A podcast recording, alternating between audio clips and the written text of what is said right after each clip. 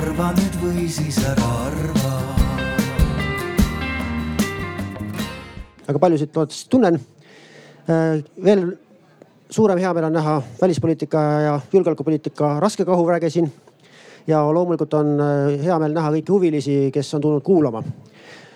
ja ilma suuret pikemat sissejuhatust tegemata meie teema lähtekoht on selles, et justkui äh, Euroopa Liit ja NATO oma parimatel päevadel suudavad Twitteris säutsuda ja see justkui ei vastaks meie ootustele.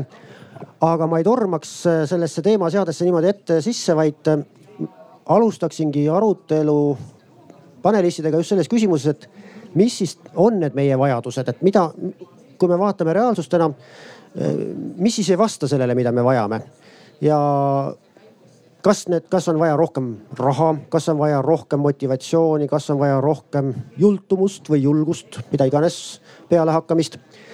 ja võib-olla ühe sellise käimatõmbajana, et, et kahe tuhande kaheksanda aasta Gruusia sündmustest ja kahe tuhande neljateistkümnenda aasta Ukraina sündmustest on juba ju päris palju möödas. et, et kui me pole saanud neid asju tehtud, et, et kas, kas siis on viga võib-olla mõnes varjatumas põhjuses, kui me tahame tunnistada. ja pakun välja sellise korra, korralduse, et esinejad saavad kolm-neli minutit, ma viipan neile, kui, kui nende aeg hakkab otsa saama ja, ja iga kord saab alustada erinev esineja ja alustame oh,, ma tutvustan ka. et äh, proua välis, välisminister Eva-Maria Liimets äh,. Mart Luik äh,. Marko Mihkelson äh,. Äh, Maria Kaljurand ei. teeme uuesti. Marina Kaljurand. Marina, jah Marina. ja viimane esineja, mulle kõige uuem, ma pean tunnistama äh,. Karin Kaup-Lapõnin. aga me saame teiega täna tuttavaks, teistega ma olen, olen varem tuttav ja pean tunnistama, et koroona käigus me oleme teiega küll vähem kohtunud, kui äh, kui oleks olnud tahtmine. aga ma annaksingi esmalt sõna proua välisministrile teha kiire sissejuhatus ja avalöök, palun aitäh nende sissejuhatavate sõnade eest ja muidugi aitäh ka selle provokatiivse äh, pealkirja eest, et äh, kas digidiplomaatia on tänapäevase diplomaatia ainus relv. Äh, sissejuhatuse võtmes loomulikult sooviksin ma esmalt äh, tõdeda, et äh, NATO ja Euroopa Liit mõlemad on täis elujõus tugevad organisatsioonid, mõlemad täidavad oma eesmärki ja Eesti aktiivse liikmena panustab ja kujundab nendes organisatsioonide seisukohti, mis meie riigi jaoks on vajalikud, asjakohased, mis tagavad meie julgeoleku, aitavad kaitsta meie heaolu, meie kultuuri, keelt et selles osas ma ütleksin, et on asjad Eesti võtmes väga hästi. tõepoolest teeb meile muret meie regiooni julgeolek ja kahetsusväärselt on toimunud sündmused kaks tuhat kaheksa Gruusias, kaks tuhat neliteist Ukrainas. mõlema riigi suureks murekohaks on täna nende territoriaalne terviklikkus Eesti koos samameelsete riikidega on tõsiselt töötanud selle nimel, et nendel riikidel oleks ühel päeval tagasi nende territoriaalne terviklikkus. viimasel ajal oleme rohkem loomulikult olnud keskendunud Ukrainale, kuna pinged, julgeolekualased pinged Ukraina idapiiril olid meil ka käesoleval kevadel aktuaalselt päevakorras kui me räägime laiemalt veel Kaukaasias, siis äh, meil on regioonis ka Euroopa julgeolekuarhitektuuri mõttes meie regioonis mitmed külmutatud konfliktid me nägime, et külmutatud konfliktidel on omane olla ka tuline. pean siin silmas äh, Mägi-Karabahhi piirkonnas eelmisel sügisel lahvatanud sõjalist konflikti. see ilmestab seda, et me tõepoolest peame tõsiselt jätkama tööd selle nimel, et meie regioonis oleks julgeolek laiemalt tagatud kui me räägime poliitika kujundamisest, siis äh, tänapäeval lisaks sellele, mis toimub organisatsioonides, välisministeeriumites, on poliitika kujundamine jõudnud tõepoolest ka sotsiaalmeediasse. ja see on väga huvitav dünaamika, mida me näeme nii riigi sees kui ka välispoliitikas üha kasvava trendina. ja ma väga loodan, et meie tänane arutelu jõuab sügavamalt ka sellesse osasse. aitäh. aitäh Äh, ja väga põhjalik äh, välispoliitiline sissejuhatus. Äh, Mart võib-olla saabki minna rohkem siis Twitteri suunas, et üks minu siukseid kõrvaltöid on ka uurida tegelikult, kes mida Twitteris edasi säutsub ja, ja nii meie liitlased kui meie vastased tegelikult on huvitatud sellest, et mis siis leiab kõlapinda ja, ja ma ütleks, et minu enda kõige suurem üllatus on see, kui vähe Eestist neid säutse ikkagi tuleb ja, ja edasi säutsutud säutse, et, et, et kuidas sa näed, et kas see Twitter on äkki hoopis impotentne asi, mille, mis ei annagi praegu efekti? nojah, see läheb nüüd hoopis nagu meediapaneeli küsimuseks, aga, aga hea meelega ma muidugi kommenteerin seda, sest äh, sest meediaga ma olen tegelenud kakskümmend viis aastat ja välisministri nõunikuna töötasin natuke alla kahe aasta.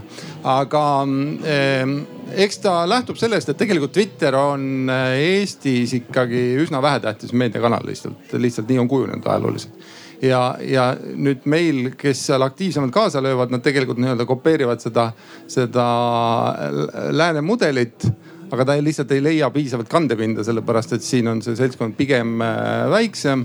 mina heidan võib-olla Twitteri äh, säutsudele ette, ma liigitan need põhimõtteliselt kahte tüüpi. ühed on sellised, et kus peegeldatakse ja tehakse neid säutse ei hakka nimes nimetama, aga noh, väga paljude kõrgemate riigiametnike ja ka välispoliitikas aktiivsete inimeste poolt lihtsalt sellepärast, et noh, aga nii on ju kombeks teha läänes, eks. ja ega seal äh, suurt peale peale selliste paraadsõnumite välja ei ole lugeda, et, et see ei ole nagu poliitika kujundamise element. nüüd teine pool on kitsam seltskond, kes tegelikult ka sisulisi asju Twitteris jagab ja, ja sealt äh, leiab äh, üsna palju. ja noh, meil ei ole täna ühtegi äh, äh, poliitikut, kes päris nagu poliitikat viiks ellu äh, Twitteri vahendusel, nagu tegi seda Ameerika Ühendriikide president, eks ole, kus ta pühapäeva õhtul andis siis administratsioonile teada, et ta viib Süüriast väed välja, eks ja seda sõna otseses mõttes lugesid ka Pentagoni inimesed tegelikult Twitteri vahendusel.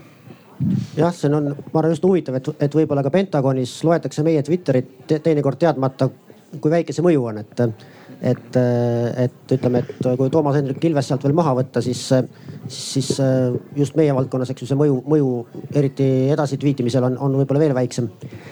aga e, Marko käest ma pigem küsiksin, küsiksin Eva-Maria jutu või lähtekoha jätkuks, et tonaalsus oli nagu selline, et halvad asjad on juhtunud ja eks teadlased on muidugi kogu aeg kriitilised ja skeptilised, ütlevad, et halvad asjad juhtuvad sellepärast, et ei valmistu nende vastu, et, et oleks tulnud meetmeid võtta, siis nad ei juhtu. et kas selline seisukoht, noh, kui ma ütlen, et, et mitte Minskis ei juhtunud halvad asjad ja Mägi-Karabahhias ei juhtunud halvad asjad ja veel paljudes kohtades ei juhtunud nad, vaid me oleme olnud ettevaatamatud, teinud vähe. et kas selline lähtekoht leiab sinus mõistmist või, või, või me pigem on nad juhtunud ikka? ja aitäh, Viljar, selle küsimuse eest, et äh, tegelikult ähm, äh, no kui sa, kui ma, ma saan aru, et see tagamõte on selles, mis on juhtunud, ütleme viimase kümnekonna aasta jooksul, viimase tosina aasta jooksul, kui sa tõid esimese näitena Gruusia kaks tuhat kaheksa. siis mina ütleks, et äh, siit me teeme juba vea.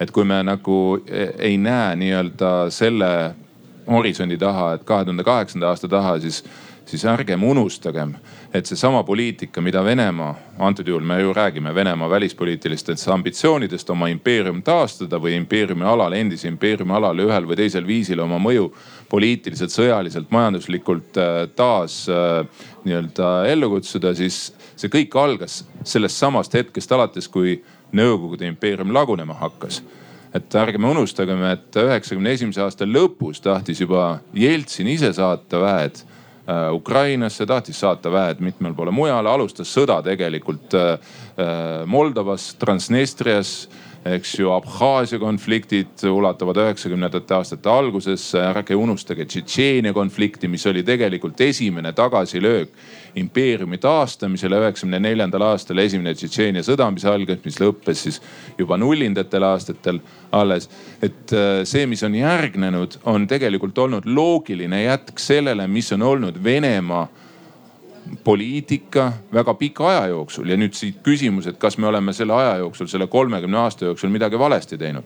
mina arvan, et Eesti poliitikas, välispoliitikas, diplomaatias me oleme ainult õnnestunud, me oleme esiteks taastanud oma iseseisvuse varsti kolmkümmend aastat tagasi, sinna on jäänud ainult seitse päeva. Äh, siis me oleme saanud kõigi väga oluliste, meie jaoks oluliste rahvusvaheliste organisatsioonide liikmeks ennekõike NATO ja Euroopa Liit. ja, ja lõppeks me oleme selle kolmekümne aasta jooksul äh, suutnud ikkagi luua sellise heidutuse meie julgeolekut puudutavatele küsimustele, mis äh, on hoidnud meid seal, kus me täna oleme, mis ei tähenda seda, et see missioonitöö, mida me igapäevaselt diplomaatias ja välispoliitikas teeme et see on lõputu ja seal ei ole nagu mingit lõppdaatumit. nüüd rahvusvahelises mõttes, kas kusagil on tehtud valesti, kas on, kas noh, nagu see tagamõte on siin Twitteri diplomaatiast rääkides, et me ainult muretseme asjade üle, mis kusagil toimub. siis see on nii-öelda jäämäe tipp. ma väidan, et siiski väga palju tehakse ka täna vaatamata sellele, et Twitterisse seda säuts saata ja, ja muretseda mingi asja pärast, mis kusagil, kusagil kaugel toimub, on ülimalt lihtne. ja ma tegelikult ei ole sinuga nõus, et äh, Twitter äh, äh, ka Eesti kontekstis omab üha rohkem tähendust äh, nendele, kes vähemalt nad näevad seda mitte kodumaise platvormina, aga rahvusvahelise platvormina, suhtlusplatvormina. vähemalt minu isiklik kogemus oma töös kinnitab seda, et see on üks parimaid kanaleid, kindlasti parem kui Facebook. täna ühenduda inimestega, kolleegidega, ekspertidega üle maailma. ja viimane punkt, mis ma tahan kiirelt öelda, on see, et, et ma arvan, et ega ega need loodusseadused, mis kehtivad ka rahvusvahelises suhtluses, ennekõike Hiina esiletõus, ennekõike ka äh, suured muutused maailmapoliitikas on mõjutanud seda, kus võib-olla meile tavapärane lootus või usk mingisse ülemäärasesse jõusse, mis tuleb ja, ja seab asjad nii, nagu meile sobituksid äh, et seda ei ole, et seda enam ei ole, kui me mõtleme sellele näiteks Ameerika Ühendriikide rollile maailmapoliitikas siis ongi see, et, et tänu sellele, et me oleme nende rahvusvaheliste koosluste osad, on meil endil võimalik kaasa aidata selliste muutuste esilekutsumisel. aitäh, Marko. Äh, nüüd Marinaga ma tuleks tagasi algse küsimuse juurde, et äh, mida võiks olla vaja muuta või mida, millest meil puudus on, et ei tea, kas seda saab muuta isegi. aga noh, kaitses tundub meil tihti olevat puudus justkui rahast, et selles me oleme, oleme justkui kokku leppinud, et äh, mingit hulk investeeringuid tuleb teha aga meie välis- ja julgeolekupoliitikas, mis see on, millele sa osutaksid, et täna on see puudus äh, nii Eesti kui Euroopa tasemel või isegi ka NATO tasemel? et kas on solidaarsus, ohtude realistlik hindamine? Äh, noh, neid dimensioone on omajagu, jah. Äh, aitäh. tegelikult see välispoliitika seis sai eelkõnelejate poolt ära kirjeldatud mida ma sellele lisaksin, mina ütleksin, et täna on võib-olla mõnede riikidega Euroopa Liidu ja NATO suhted palju ausamad ja palju avatumad, kui nad olid veel mõned aastad tagasi. ja nimetan ikka seda kurikuulsat äh, Barroso visiiti Moskvasse, kus teda avalikult mõnitati, alandati ja näidati, kui mõttetu on Euroopa Liit.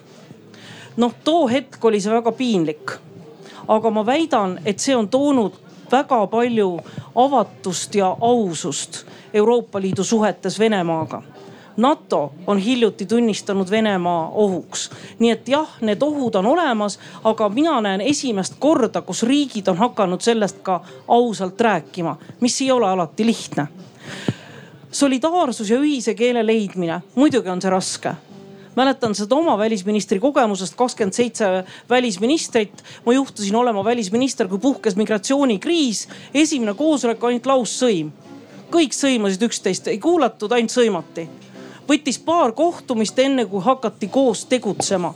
nii et seda solidaarsust, koos tegutsemist, jah, seda võiks ja peaks olema rohkem ja ei ole siin ka kellelegi, noh, ei ole see ka kellelegi saladus, et on üks-kaks riiki, kes torpedeerivad Euroopa Liidu või NATO ühist suhtumist meie ohtudesse ja julgeoleku väljakutsetesse ütlen Twitteri kohta, minu kogemus on täpselt samasugune. ehk tegelikult Facebookis suhtlen ma valdavalt äh, äh Eesti inimestega Twitteris suhtlen ma valdavalt oma rahvusvaheliste sõprade, kolleegidega ja Twitter on ka minu jaoks koht, kus ma saan kiiresti kätte info või huvitava artikli või huvitava mõttevahetuse või huvitavad seisukohad, mis tulevad rahvusvaheliselt. jah, ma möönan, Eestis Twitter vist eriti ei lenda ja eestlased eriti vist Twitteri kaudu ei suhtle ja ma tahaksin ikka veel öelda, miks on endised diplomaadid, mille poolest nad on tuntud. Nad ei vasta küsimusele, vaid nad räägivad seda, mida nad tahavad öelda, onju. aga kuna sai nimetatud Gruusia kaks tuhat kaheksa ja mulle läheb see Gruusia kaks tuhat kaheksa või üldse Gruusia selles mõttes väga korda, et praegu Euroopa Parlamendis juhin ma Euroopa Parlamendi Lõuna-Kaukaasia delegatsiooni. see on kolm riiki, Gruusia, Armeenia, Aserbaidžaan kõik kolm väga keerulist riiki, kui ma selle ametikoha võtsin, siis mõtlesin, et no nüüd on head Kaukaasia veinid ja väljasõidud ja viinamarja istandused, jee. sõda, Gruusias poliitiline kriis. mida need kriisid meile näitavad? võib-olla nad näitavad rohkem ka Euroopa Liidule, et kõik reformid ja alati ei pruugi õnnestuda kolm Balti riiki rikkusid rahvusvahelist üldsust, rikkusid Euroopa Liitu selles mõttes, et me olime nii tublid me tegime kõik, taheti reedeks, tegime esmaspäevaks, taheti hommikuks, tegime eelmises õhtuks, me tegime kõik. aga me peame tunnistama, et mõned riigid võivadki läbi kukkuda. ja mõned riigid ei pruugigi õnnestuda ja mõned riigid võivadki jääda Venemaa tagahooviks, meeldib see neile või ei ja see ei puudutanud, ma ei taha puudutada praegu ühtegi konkreetset riiki, vaid ma räägin põhimõtteliselt. see, mis toimub praegu Gruusias, see, kuidas Gruusia praegu taganeb nendest kohustustest, mis ta on võtnud Euroopa Liidu ees see, kuidas Gruusia muudab praegu oma öö, kohtunike valimise korda, valimis, valimiste korda üldse. muidugi see on kahetsusväärne. mida antud olukorras teha? mina leian, et Euroopa Liit peab toetama igat idapartnerluse riiki nii kaua, kui nad teevad reforme me peame neid toetama, see on meie moraalne kohustus. niikaua kui nad teevad reforme, niikaua kuni nad on demokraatlikul kursil aga me peame ausalt ütlema, et lõppude lõpuks võib see kõik läbi kukkuda. lõppude lõpuks me ei oska seda lõpptulemust ennustada. jah, ma arvan, jõuame sinna äh, eriti Karabahhiasse veel täna tagasi ja, ja Kaukaasiasse äh, järgmistes küsimustes ja, ja äh, Karini juures ma nüüd annaksin sulle kokkuvõtva, selle küsimuse kokkuvõtva äh, rolli, et, et äh, kas siis tasub sellesse Twitteri diplomaatiasse panustada sinu seisukohalt? ja, ja, ja kui panustada milleski muusse, siis mis, millesse võiks täna panustada Eesti ja Euroopa Liit just julgeoleku ja välispoliitika mõttes, et, et eriti kõrvalevaatajatele võiks ikkagi tunduda, et võiks ju rohkem edusamme olla, aga Marina võttis selle hästi kokku, et ega vahepeal ongi edusammud ja siis jälle see ratas jookseb tagasi. teine pool, ütleme nii, et saatan ei maga ja vaenlane ka ei maga. et jah sõna, sõnajärg sulle see on väga huvitav, et sa ütlesid, et sina uurid ka Twitterit äh, välispoliitilises äh, kontekstis, mina uurin ka. Äh, mina uurin innovatsiooni Eesti diplomaatias ja digitaalne diplomaatia on üks asi, mida peetakse suuresti innovatsiooniks küll juba mõnda aega. ka minu jaoks nagu kõigi teiste jaoks siin ees on tegelikult Twitter üks esmaseid uudisteallikaid minu meelest saab Twitterist info kätte välispoliitika kohta isegi kiiremini kui lihtsalt Google'isse midagi sisse lüües ja, ja pannes, et viimase päeva jooksul ilmunud uudised. mina isiklikult jälgin kõige rohkem äh, seda, mis toimub Aafrikas, seda, mis toimub ÜRO-s, äh, teistes äh, arenevates riikides ja Euroopa ingliskeelsest meediast, angloameerika meediast, võib-olla ka hispaaniakeelsest meediast, võib-olla miks mitte ka venekeelsest meediast, mida ma jälgin. tegelikult seda infot ei saa nii kiiresti kätte kui Twitteri erinevatest ruumidest ja ma võin tuua näite ka erinevatelt äh, kohtumistelt, kus tegelikult on tihti saalis inimesed, kes tweetivad otse kohtumistelt ja tõepoolest Eesti diplomaadid võib-olla ei oska seda nii hästi ära kasutada, ma ei tea, kas ÜRO saalidest või Aafrika Liidu saalidest või, või miks mitte ka Brüsseli saalidest, et äh, mis info sealt siis täpselt tuleb äh, sest sealt tuleb tihti just, just otseinfo, otseallikast paremini kui poliitiku seda võib-olla paari tunni pärast kommenteerib. aga kui sa küsid, et mida mida Euroopa Liit ja NATO võiksid paremini teha. ma võib-olla viiksin selle dimensiooni hoopiski Euroopa Liidu lõunanaabrusesse, sest et tavaliselt, kui me räägime julgeolekupoliitikast, kaitsepoliitikast, me vaatame alati ida poole, et siin on kindlasti minust pädevamaid eksperte aga kui ma vaatan Aafrikast Euroopa Liidu poole, ma teenisin neli aastat Aafrikas Euroopa Liidu diplomaadina, siis ma pean ütlema, et Euroopa Liidul on suhteliselt kehv maine, mis on väga kahetsusväärne, et Euroopa Liidu diplomaadid peavad kogu aeg meelde tuletama, et ja, et me tegelikult oleme küll parimad selles ja me anname teile kõige rohkem arenguabi. ja me, ja me tagame teie julgeolekut rohkem kui, kui võib-olla mõni teie naaberriik. Aga seda nagu ei taheta hästi uskuda, sest alati öeldakse, et aga teil on ju tingimuslikkus.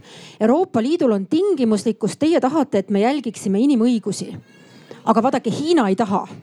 Hiina tuleb ja ehitab meile sillad, ehitab maanteed, annab meile laenu, nad ei pane tegelikult tähele, et see laen on kallim kui see, mida nad võib-olla arengupangalt saaksid aga teie tulete Euroopa Liidust ja küsite, et me jälgiksime inimõigusi, et me annaksime Omar al-Bashiri rahvusvahelise kriminaalkohtu alla. aga miks me peaksime? aga vot sellistes äh, olukordades mina alati meenutan meie head kolleegi Tiina Intelmanni, kes oli rahvusvahelise kriminaalkohtu nõukogu president ühel hetkel, mis ütles, et ärge kuulake neid riigijuhte tingimata, sest nemad esitavad oma huvisid ja riigijuhtide huvid ei pruugi kunagi olla needsamad, mis on nende kannatanude ja lihtrahva huvid, kes tegelikult nendes konfliktides on kannatanud. seega ma ütlen, et äh, meie siin Eestis võiksime natukene rohkem tähelepanu pöörata ka ka meie lõunanaabritele, mis on siis Aafrika ja Lähis-Ida ja mitte ainult piirduda oma otsese murekohaga, mis kahtlemata on meile oluline aitäh, äh, sa meenutasid siin tingimuslikkust. minul kulus kunagi doktorantuuris kaheksa aastat selle peale, et tingimus, Euroopa Liidu tingimuslikkusest doktoritööd kirjutada ja ma usun, et mitte keegi teist pole lugenud ja ei kavatse ka. et, äh, et kui aga peaks tekkima huvi, siis ma olen alati valmis teile seda saatma.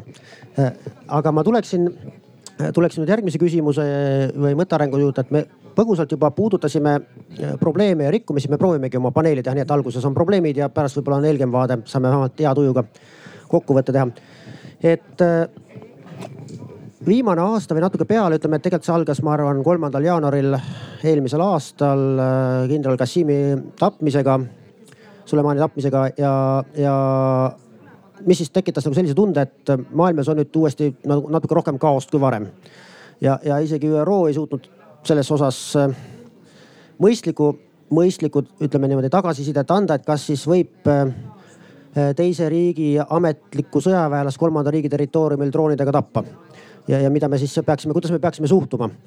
ja, ja meie jaoks läks huvitavaks siis, kui sarnased droonid saabusid Ämarisse, eks, kus me tajusime seda, et noh, mingi globaaltehnoloogia ja poliitika on saabunud otse meie tagahoovi.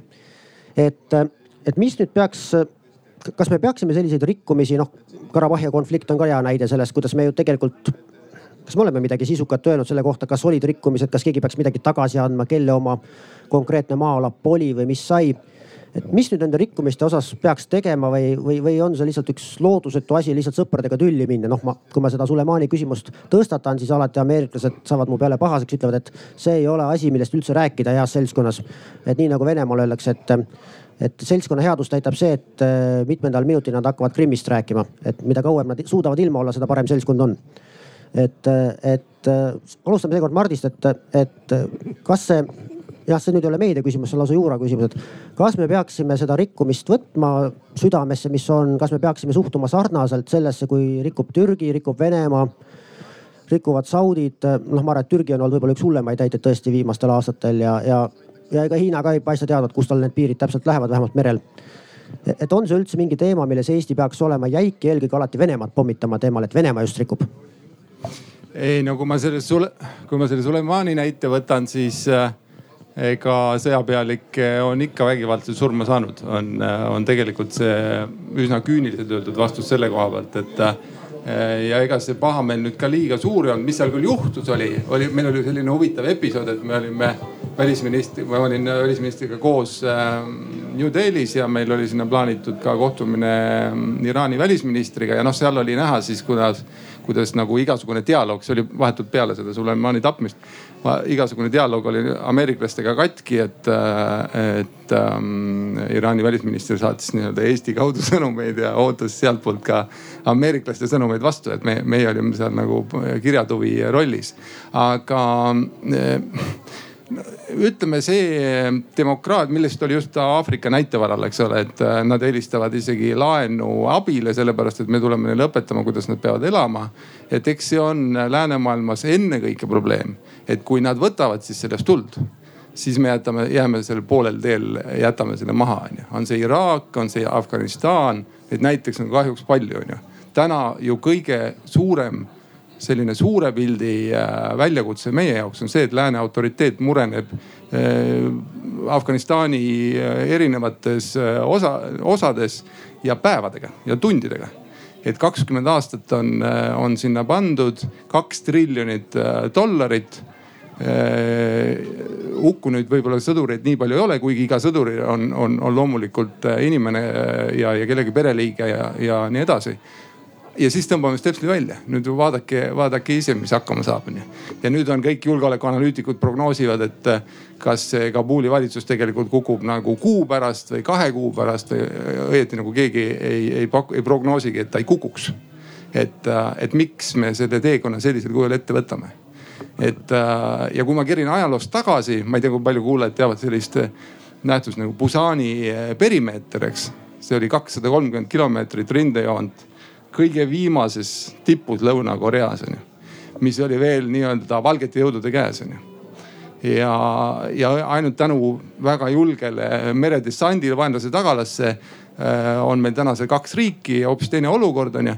aga siis oli see meelekindlus olemas, kaitsta seda Busani perimeetrit, perimeetrit onju. täna, miks ta meile oluline on, eks äh,. Suwalki koridor on sada kilomeetrit lai onju. kas meil on see meelekindlus teda tegelikult kaitsta?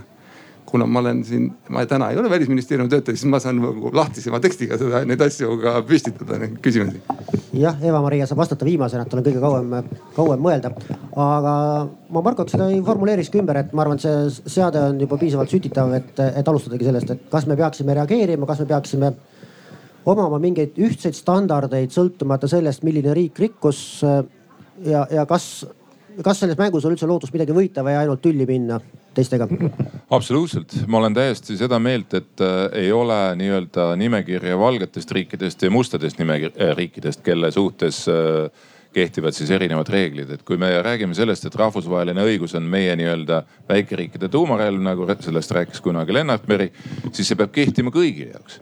Ja samamoodi ka need äh, põhimõtted, väärtused, mille nimel me oleme kokku tulnud, ükskõik NATO-sse, kui te loete NATO Washingtoni leppe esimest pream-, nii-öelda preambulit, siis see ütleb ju põhili-, põhilise ära, et me oleme tulnud kokku selleks, et kaitsta oma väärtusi, demokraatlikke väärtusi, oma põhimõtteid. Ja tegelikult äh, seetõttu minu arvates on täiesti õigustatud olla ka kriitiline Ungaris ja Poolas toimuva suhtes, eriti mis siin veel Poolas viimase viimastel päevadel on toimunud parlamendi hääletus, kus sisuliselt viimane tele, nii-öelda sõltumatu telejaam praktiliselt kaotab oma litsentsi. et äh, kas me tahame, et äh, need väärtused murenevad, mille alusel lõpuks võib mureneda ka meile nii oluline kaitseliit, kaitseallianss, nagu seda on NATO. kas meile meeldib, kui meie äh, peamised liitlased räägivad sellest, et NATO on oma aja ära elanud või et NATO on ajusurmas. loomulikult ei meeldi kas me ole, peame, peaksime kritiseerima? jah, me peaksime kritiseerima, me peaksime ütlema oma arvamuse välja, et see ei ole okei okay.. sellepärast, et seesama surve, mis mujalt maailmast tuleb. Äh, noh, sa ütlesid küll, eks ju, see, et kakskümmend aastat Afganistani, aga on siin just eile Briti uue suursaadikuga ka natukene nagu arutlesime sellel teemal, et kuhu me oleme jõudnud seoses Afganistaniga, siis, siis no vaatame natuke kaugemasse ajalukku, eks ju. britid oma impeeriumi perioodil olid maailma valitsejad, aga ei suutnud valitseda Afganistani. samamoodi on Afganistani üritanud ju mingil määral kontrollida mitmed teisedki jõud, Nõukogude Liit ja, ja nüüd äh, rahvusvaheline koalitsioon ja mis, mille tulemus on see, et et hõimupealikud ikkagi otsustavad lõpuks selle, et äh, mis selles riigis äh, saab või saama hakkab. ja kui meil ei ole valmisolek jääda sinna igavesti, siis on kahjuks on, on see, mis meie ees rullub, on see, et, et see riik peab kuidagi ise läbi käima selle väga suure valu. aga kas me oleme valmis seda valu kõrvalt vaatama, on iseküsimus. ja nüüd lõpu, lõpuks muidugi ka see, et tõesti noh, kui sa alustasid küsimust Sulemanist, minu arvates see oli, et see on väga kaheldava väärtusega äh, sündmus, mis, mis toimus. ma olin kriitiline siis, kui see toimus. sest see annab aluse tegelikult meie idanaabrile minna ja mürgitada polooniumiga Litvinenko, lasta Berliini kesklinnas maha äh, inimene, kes neile ei meeldi, eks ju. puua Kiievis ülesse keegi, kes äh, samamoodi ei meeldi, eks ju, no olgu, hea küll, siin teine režiim, eks ju, aga ikkagi. ja, ja, ja lõpuks me oleme olukorras, kus kohas, kui me küsime seda, et, et meie kaitse eesliinil on ka rahvusvaheline õigus. kui see on nii auklikuks lastud siis kuidas me saame kindlad olla, et see toimib siis, kui meil on häda käes? nii Marina käest ma küsiksin sellesama küsimuse valguses, et kuidas äh, Euroopa Liit ja võib-olla Euroopa Parlament siis kitsamalt on saanud hakkama millegi meile arusaadava sõnumiga selles suhtes, et kui on toimunud mingi rikkumine või ebameeldiv sündmus Minskist Karabahhini või, või, või Suleimanini, et, et, et kas A see sõnum on kõlanud ja, ja kas see on olnud midagi, millest noh, näiteks ka meie kodanikud saavad aru, et lõpuks keegi ütles selgelt välja, mida oleks pidanud ammu ütlema? Noh, kõigepealt ma alustan ikkagi sealt, millega Marko lõpetas, et ka mina arvan, et Eesti välispoliitika tugevus saab olla ainult järjekindluses, põhimõttekindluses ja nende väärtuste, nendest väärtustest kinnipidamisest, millest me räägime sõnades. äh, mis puudutab välispoliitika, ütleme kogu arsenali siis tegelikult ega seal neid vahendeid ei ole palju. ma tean, kuidas inimesed ilguvad vahel, no nüüd avaldati jälle muret ja nüüd avaldati suurt muret ja nüüd avaldati ülisuurt muret. noh, välispoliitikas sõnumid ja sõnad on olulised kuidas sellele reageeritakse, ma võin öelda, et Euroopa Parlamendi Lõuna-Kaukaasia delegatsiooni juhina olen ma viimase kahe aasta jooksul teinud umbes kakskümmend viis avaldust, ma arvan Gruusia, Armeenia, Aserbaidžaani sündmuste kohta kuidas reageeritakse? no eestlased reeglina reageerinud ei ole, ma arvan, et pole isegi märganud. noh, sotsiaaldemokraadid muidugi solidaarsusest retviidivad, aga märgatakse nendes riikides ja see on võib-olla olulisemgi, et kohe pärast seda, kui avaldus on tehtud, helistab mulle Gruusia peaminister, ütleb, kas sa ikka pidid niimoodi ütlema, mis nüüd saab, kas te päriselt mõtlete nii, mis nüüd edasi, ehk seda jälgitakse. Nii et järelikult, mis on oluline? oluline on jõuda selleni, keda see mõjutab, kes seda jälgib ja kes sellele reageerib. Äh, kuna puudutati ka Afganistani, siis no minu jaoks on ka praegu Eesti, mis puudutab Suleimani samamoodi nagu Marko, olin ma väga kriitiline see surnukeha ei olnud jõudnud veel ära jahtuda, kui meie tolleaegne välisminister tormas kiitma seda otsust, küll see oli õigesti tehtud koos tolleaegse kaitseministriga. mis ei mis ei olnud, see tekitas küsimusi rahvusvahelise õiguse kohta, mitte keegi ei tormanud nii ruttu kiitma kui meie. kas me peame alati ameeriklasi kiitma? ei, ei, ei ütlen seda endise välisministrina, ütlen seda endise suursaadikuna Ameerika Ühendriikides. Ameerika Ühendriikides me oleme samal poolel niikuinii. ja kui me ei ole kõiges sama meelt, on see okei okay me peame selgitama oma seisukohti ja pole see esimene ega viimane kord, kui me oleme erinevatel arvamustel.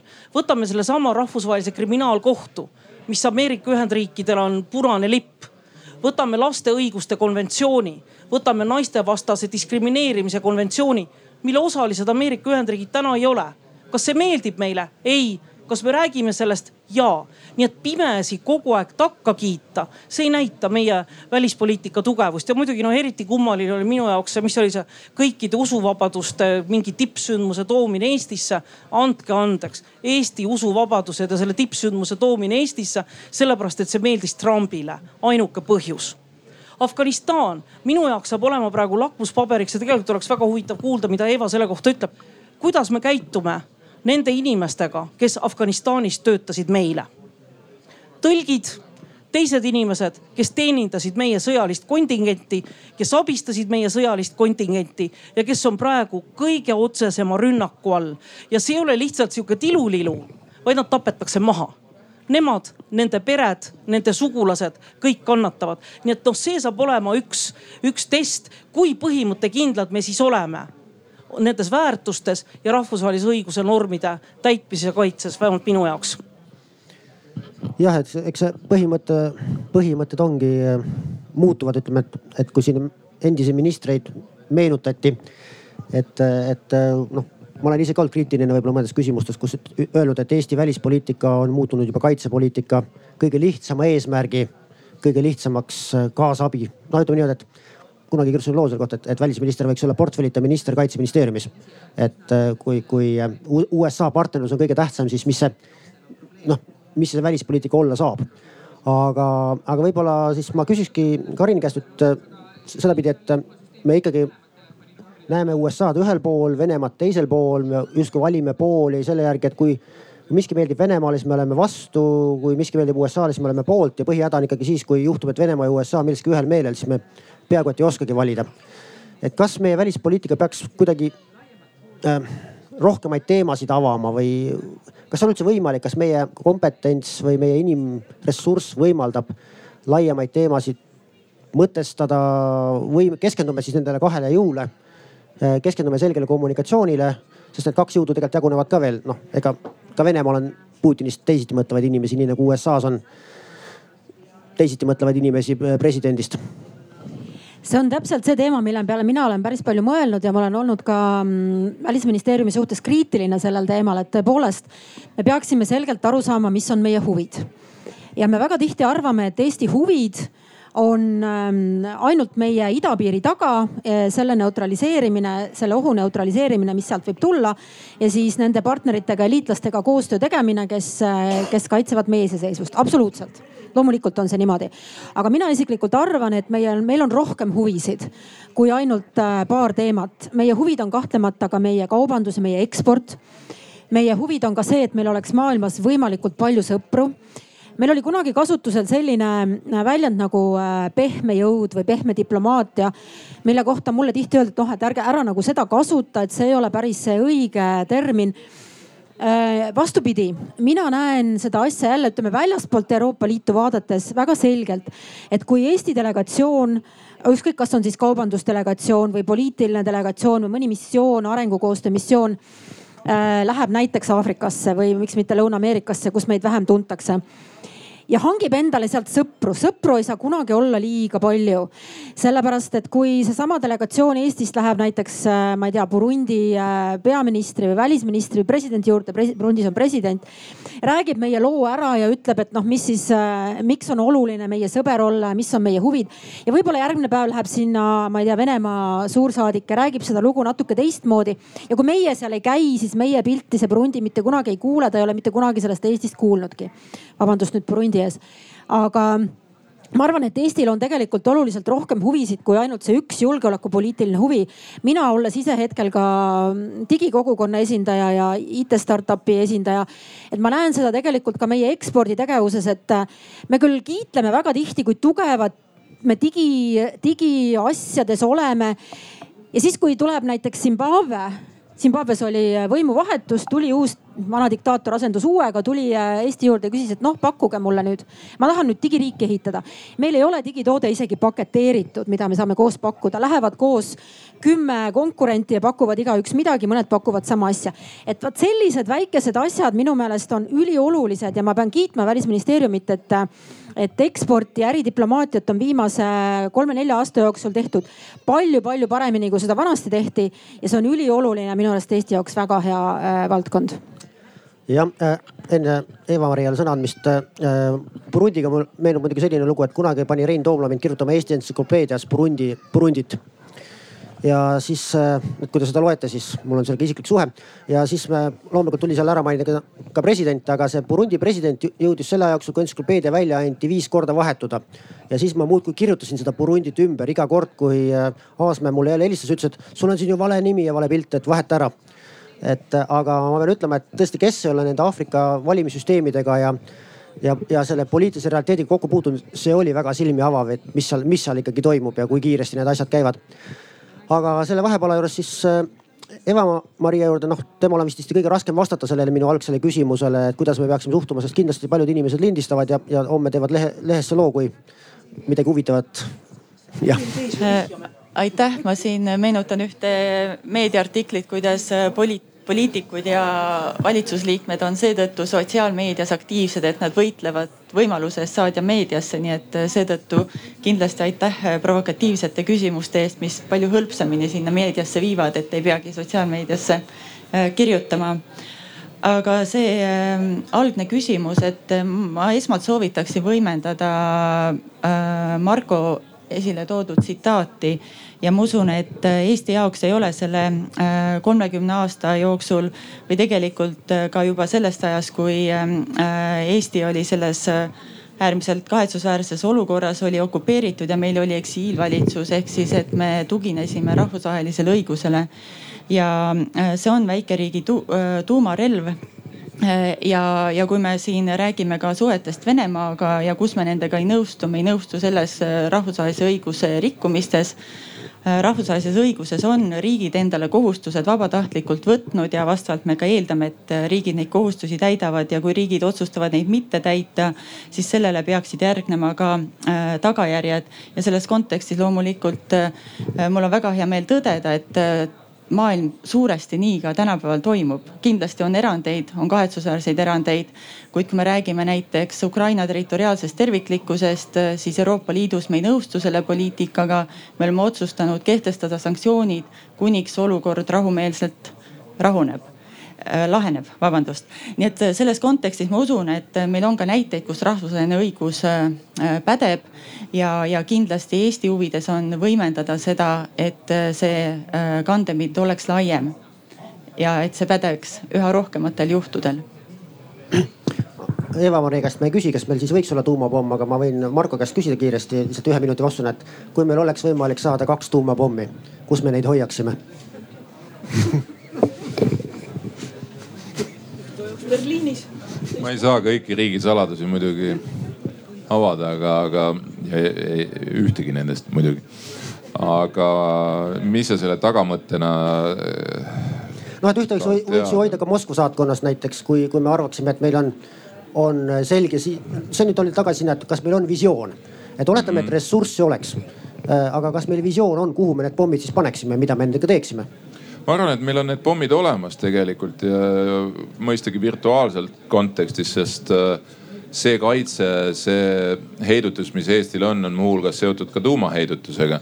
et äh, NATO liikmena on, äh, on see väga oluline komponent ja Eesti on muuhulgas ka osaline selles arutelus, mis puudutab nii-öelda tuumaheidutust ühel või teisel määral, aga, aga ma arvan, et võib-olla sinu selline provokatsiooniline küsimus väik, väikest viisi paneb nagu küsima, et kas, kas siis tõesti peaksid ka väikeriigid äh, lisaks Iisraelile äh, mõtlema selle peale, et kuidas kindlustada oma, oma nii-öelda olekut, eriti keerulises geostrateegilises või geopoliitilises äh, keskkonnas, siis ma ütleks, et äh, et Eesti noh, ütleme jällegi panna mingi võrdlusjoon, ajaliselt on alati hea vaadata veidi kaugemat joont, eks ju, et äh, isegi kui me võtaks selleks algusajaks äh, kahekümne neljas veebruar tuhat üheksasada kaheksateist ja mõtleks tänast päeva, kus me siin oleme, kolmeteistkümnendal augustil kaks tuhat kakskümmend üks ja mõtleme seda maailma, teades, mis on ajaloos toimunud ja mis praegu meie turb-, noh, nii-öelda see turbulents, mis meie ümber toimub, siis, siis ma ütleks niiviisi, et see on küll hästi selline klišeelik, aga sellel on väga tõsine ja sügav sisu, et, et äh, ma ei tea praegu paremat seisu, kindlasti saab veel äh, seda äh, nii-öelda Eesti julgeoleku kontekstis äh, paremat konteksti saavutada, aga, aga ma arvan, et äh, et seal, kus me täna oleme, see tuumarelv, olgugi et ta on virtuaalne, töötab ta meie huvides päris hästi praegu ja üks osa tegelikult sellest, kuidas seda virtuaalset tuumarelva hoida, on muideks Eesti välispoliitika, Eesti diplomaatia. et ta oleks tõsiseltvõetav ehk see sõna, kui me oleme kusagil väljas, ükskõik, kas me räägime julgeolekupoliitikast, väliskaubanduspoliitikast, rahvusvahelisest nii-öelda koostööst erinevates rahvusvahelistes organisatsioonides, nagu me julgeolekunõukogus praegu teeme. siis see ongi see tagatis, mis toodab selle tuumarelva meile, mis kõige olulisem on. ehk siis see, et, et Eesti liitlassuhete kaudu on kaitstud igasuguste üllatuste eest. Marinal oli kohe jätkumõte. jah, ma tahtsin lihtsalt öelda, et nüüd me oleme rääkinud siin mõnda aega, no niisama jutt kõik muudkui räägivad õigeid asju, kõik muudkui nõustuvad üksteisega. ehk tegelikult praegu see jutt ei ole siin objektiivne. ma ei tea, miks põhjusel ei ole siin ühe parlamendierakonna esindajat, nad ei, ei soovinud osaleda või? sellepärast, et äh, näiteks minul oli suur küsimus Eesti välispoliitika järjepidevuse osas kui võimul oli eelmine valitsus ja valitsuses oli EKRE sellepärast, et needsamad põhimõtted, mida me siin kõik praegu takka kiidame, inimõigused, maailmavaade, rahvusvahelise õiguse täitmine, see oli küsimärgi all. küsimärgi all oli isegi meie Euroopa Liitu kuulumine, jah, kuigi see võeti pärast ruttu tagasi, aga mingisugused kõhklused oli. meie poliitika oli toetada Ungarit ja Poolat kes praegu on Euroopa Liidus artikkel seitse uurimise all ja tõenäoliselt karistatakse ka tulevases finantsperspektiivis. ehk see kõik ei ole ainult nii roosiline. ma tahan öelda, et me peame olema valmis et ei ole iseenesestmõistetav, et Eesti välispoliitika jätkub sellisena, nagu ta on kogu aeg olnud. ja me oleme seda näinud, kui kerge on libastuda ja me näeme seda ka teiste riikide pealt, et see libastumine võib olla ikka päris korralik. Aga miks, miks need ei ole siin? ei no need vist ei ole üldse festival, aga ärme nüüd sinna kuhugi EKRE-sse küll kinni jää, et ähm,. oot-oot-oot, EKRE-sse kinni jää, teie koalitsioonikaaslane. ei no selles mõttes, et ega, ega meie koalitsioonikaaslased, mitte meie, minu erakonna kaaslane, eks, et, et äh, ma enne, ei no aga vaidleme, miks mitte. seesama äh, Marina, sinu väited, et ähm, et me võisime vabalt Trumpi administratsiooni minna kritiseerima, see on ju lihtsalt naiivne väide et me kõik suurepärased, kes välispoliitikaga tegelesid, said aru, et sa ei vaidle Trumpi administratsiooniga. kas sulle meeldivad need otsused või ei meeldi, eks ole, aga sa ei vaidle nendega, sest ta on meie jaoks strateegiline liitlane. nüüd selle Sulemani puhul on isegi filosoofid vaidlevad, on selline Eichmanni äh, paradoks, mille üle ei suudeta kokkuleppele, kas see on moraalselt õige tegu röövida üks äh, kurjam, eks ole, ja tuua ta kohtu ette Nad ei teinud seda nii labalt, nad ei lasknud teda nii-öelda tema helikopterit äh, raketiga tükkideks, eks, aga, aga juudid röövisid, ta tõid ta kohtu ette ja, ja mõistsid ikkagi surma. E, sest ta oli selle ära teeninud, tõenäoliselt Sulemani oli selle ka täie rauaga ära teeninud, eks. kas meile see konkreetne meetod meeldib? midagi ei ole teha, võtame klapid eest ära, ka lääneriigid, sealhulgas Ameerika Ühendriigid on läbi ajaloo päris mitmeid vägivaldseid sõjapealikke vägivaldselt teise ilma saatnud. see lihtsalt on nii, see lihtsalt on nii. ühe. ühe lause. Äh, me teeme koostööd kõigi Ameerika presidentidega, kes on valitud demokraatlikult. aga see ei tähenda pimesi kõigi nende poliitikate takkakiitmist me läksime Iraaki, me läksime Afganistani, kas sellepärast, et me arvasime, et see on õige tegu Eestile? ei, me läksime sinna liitlasi toetama ma jah tõmbaks korraks seda hoogu maha ja tegelikult jätkaks sealt, kus Marko, selleks, et me, ma, ma tahaksin Twitteri juurde ka tagasi jõuda. Äh, ma tõstsin üles selle koha, kus oli juttu väikeriigi tuumapommist ja, ja minu töö kaitsevaldkonnas on olnud ka seotud heidutusega ja, ja selge see, et Putinile igasugused sõjamängud ja ähvardamine meeldib, sellepärast see on nagu ikka, kui te lähete seaga maadlema, siis ta on palju rohkem treeninud kui meie nendes asjades.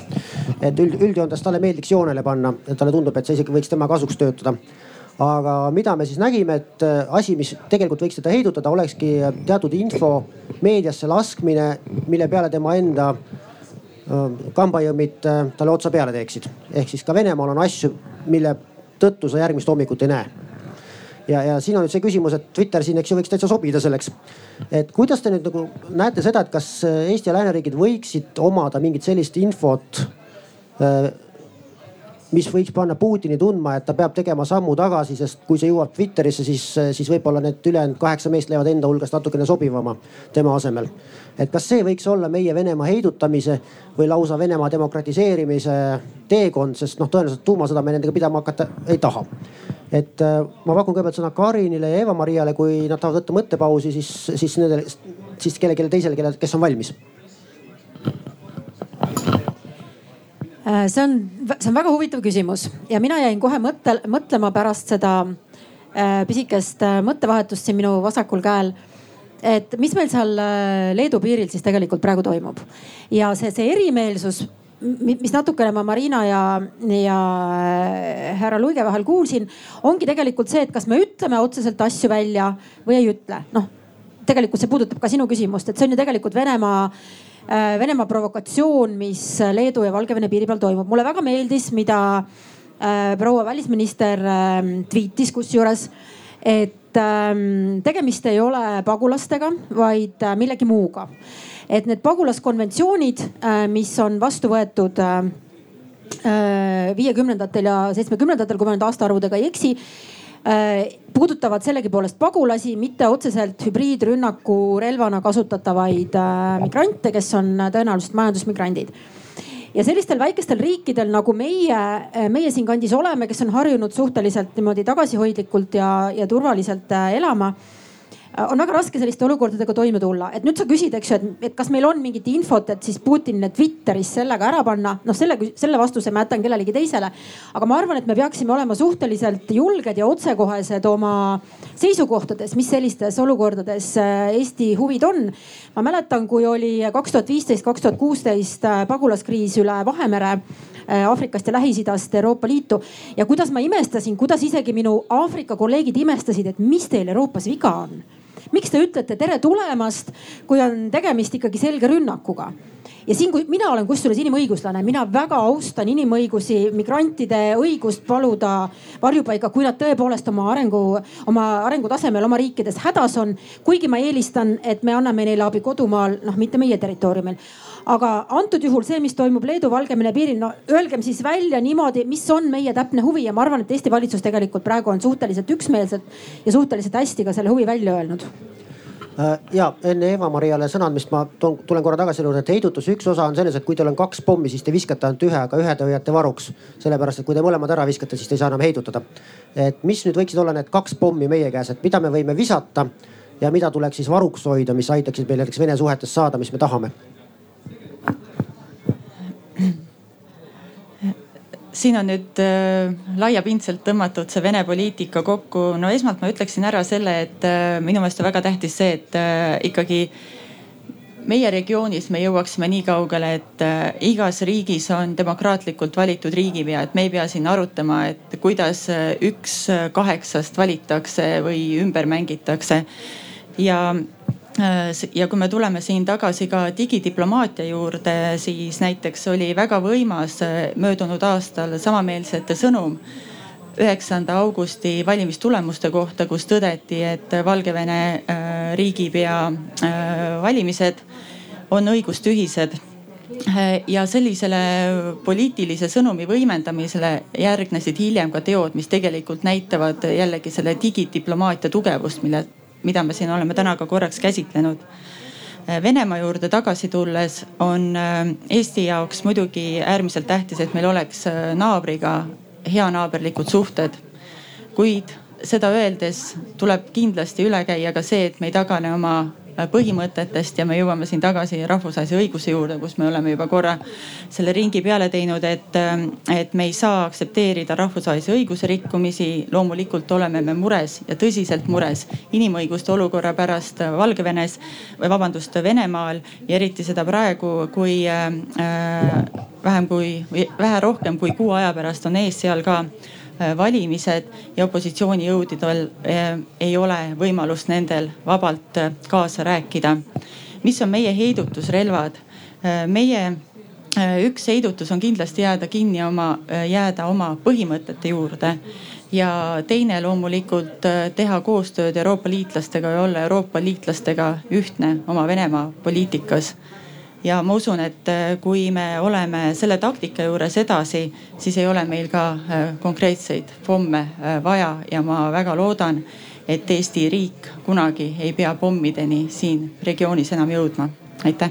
Aga Mart äkki on natukene bravuursem ja ikkagi mõtleb, et mis need kaks Twitteri tuumapommi võiks olla, millest ühe saaks visata ja teist võiks ainult Putinile kaugelt näidata ja öelda, et kui ta veel peaks korda rikkuma, siis me viskame selle teise ka naljaga pooleks võiks muidugi öelda, et me Markoga käisime mõlemad ohvitseride kursused koos ja meie auaste muidugi tuumapommideni ei ole, et, et ei ole nagu meie tase seal nii-öelda militaarses mõttes, aga, aga nüüd tõsiselt püüdes sellele vastata. Eh, see on äh, ühtsus, kas meil on see või ei ole, et see tegelikult ongi see meie ainus ja peamine heidutus, et ja, ja noh, ta on nüansseeritum nii ka Euroopa Liidu kui NATO mõttes, eks ole me teame, et ka NATO sees liikmetel on omavahel erimeelsusi, Kreeka, Türgi, Küprose eh, olukord, kolmnurkne probleem et, äh, et noh, kogu see ma noh, tegelikult ma ei ole ka selle väitega üldse nõus, et, et Eesti välispoliitika on ainult äh, tegeleb Vene idatiivaga. hetkest, kui me saime julgeolekunõukogu liikmeks, me peame iga jumala asja kohta, kuigi meil on inimesi vähem, ütleme välisteenistuses kui Ameerika Ühendriikide mõnel tähtsaatkonnal võib-olla töötajaid, eks aga me peame eranditult kõikidest asjadest midagi arvama. me peame Grand Ethiopian tammist midagi arvama ja sellest ja kolmandast ja neljandast asjast, nii et ja, ja seda teevad lihtsalt supertööd teevad need kuussada inimest äh, täna ja arvavadki kõikidest, kõikidest nendest asjadest midagi ja, ja kujundavad need poliitikad, et. et ega ta nüüd nii üksmeelne ei ole, aga, aga jah, üksmeel on see, see põhiline. täna väga hea meel on, äh, on nentida seda, et noh, ühes küsimuses, kus Euroopa Liit suhteliselt kiiresti suutis reageerida, oli keerata kinni äh, Bagdadi Minski lennuliinid. see on tegelikult väga selge signaal igasugusele järgmisele sarnasele plaanile põhimõtteliselt Euroopa Liidu võimalus on kõikide nii-öelda kolmanda või ütleme kõikide niisuguse võimalike Lukašenka partnerriikide, doonorriikide eh, lennuliinidele ähvardades lihtsalt, kas te lendate meile või te lendate Minskisse. selline lihtne valik ongi. Ja enamik neist ilmselt tahab lennata ka mujale peale Minski. Ja, ja nii need liinid ka maa peale jäävad ja, ja siis on ka vähem okastraati vedada, kuigi mind isiklikult šokeeris kogu selle sündmuse juures see olukord, et Eesti piir on kaitsmata, Läti piir on kaitsmata, Leedu piir on kaitsmata, kolm riiki elavad nii, nii keerulises äh, äh tektoonilises kohas, eks ole äh, maakeral. Ja ei ole kolmekümne aasta jooksul olnud seda arukest, et, et äh, piir välja ehitada. jah, ma tahtsingi jõuda äh, sellesama arukese juurde, millest äh, räägitud poliitikutel on ikkagi see ajaperspektiiv järgmiste valimisteni tihti, et aga or organisatsioonid nagu Euroopa Liit ju saaksid tegelikult äh, seal on ka mittevalitavaid inimesi palju-palju, kes tahavad teha pikka karjääri. ja, ja mis mind pani imestama ka nendesamade Minski sündmuste puhuks, et põhiline, mida küsiti, et aga mida nüüd saaks teha, selle asemel, et noh, ega ju Minsk ja Karabahhi sõda mõlemad hüüdsid tulles juba kümme aastat. ma, ma ei usu, et, et keegi teist arvas, et need kumbki, kumbki ära jäävad, et, et me näeme tegelikult veel korra Minskis palju suuremat möllu viie aasta jooksul ja Karabahhias ei pruugi ka kõik veel läbi olla. aga kas näiteks Euroopa Liidul oli valmis mingigi mõistlik pakett, mille puhul jah, öeldes kohe saab hakata viima lahendusi kohale? noh, selles mõttes näiteks kuidas kaitsta dissidente. Äh, kord ma kaitsevaldkonnaga on seotud, siis lihtne on öelda siit, et las opositsionäärid istuvad vangis, kus nende jalaluud ära murtakse, aga me ju ei aidanud neid. lõpuks nad istusidki vangis ja seal pole üldse tore. Äh, midagi peavad nad sööma ka. Äh, ainus väide oli, et minge Leetu, sööge seal. väga tore, eks ju, Valgevene saigi neist lahti aga kas meie tegime oma töö ära, kas Euroopa Liit näiteks on näidanud soovi ette planeerida seda, et kui tuleb järgmine Minski kriis, siis on konkreetsed välja valitud tegevused, on pandud rahastusplaani, ainuke, mida on vaja teha, et otsustada see rahastus ja kohe teha. Mägi-Karabahhias samamoodi saab ju seisukoha ette välja töötada, kuidas me suhtume sellesse isegi kuni selleni, et kustmaalt see piir hakkaks jooksma või kellel on õigus. aga me justkui ei teinud seda või, või ma eksin, et Marina saab siin ma alustan võib-olla Mägi-Karabahhiast. sa ütlesid, et kümme aastat tegelikult see konflikt on seal olnud üheksakümne teisest aastast. Ja jah, nüüd tagantjärgi tark olles Euroopa Liit oleks saanud seal regioonis olla palju aktiivsem. no ma ei tea, kes teab detaile, siis tegelikult Euroopa Liit ei ole selles rahuprotsessis või Minski protsessis üldse esindatud. nüüd ma räägin Mägi-Karabahhiast jah, mitte Ukrainast. Euroopa Liit on seal esindatud läbi Prantsusmaa. Prantsusmaal teatavasti on väga head suhted Armeeniaga, mis tähendab, et Aserbaidžaan juba by definition ei võta Prantsusmaad objektiivse neutraalse riigina selles küsimuses. nii et jah, see on see dilemma, et Euroopa Liit oleks saanud teha palju rohkem, ei teinud ja tegelikult ka praegu, kui ma vaatan seda praegust olukorda, noh, Aserbaidžaan ütleb, ärge tulge meid õpetama, andke raha, küll me saame ise hakkama. Nad on praegu täiesti võidusoonel, nad võitsid, nad on tugevad, nad on tugevamad kui kunagi varem. Türgi on nende selja taga, nad näevad ennast praegu maailma vallutajana, nad ei kuula Euroopat kas me oleme oma maha, maha, maha maganud lõplikult? ma loodan, et ei, sest noh, Aserbaidžaan on huvitatud kaubandussuhetest energeetikaalasest koostööst Euroopa Liiduga.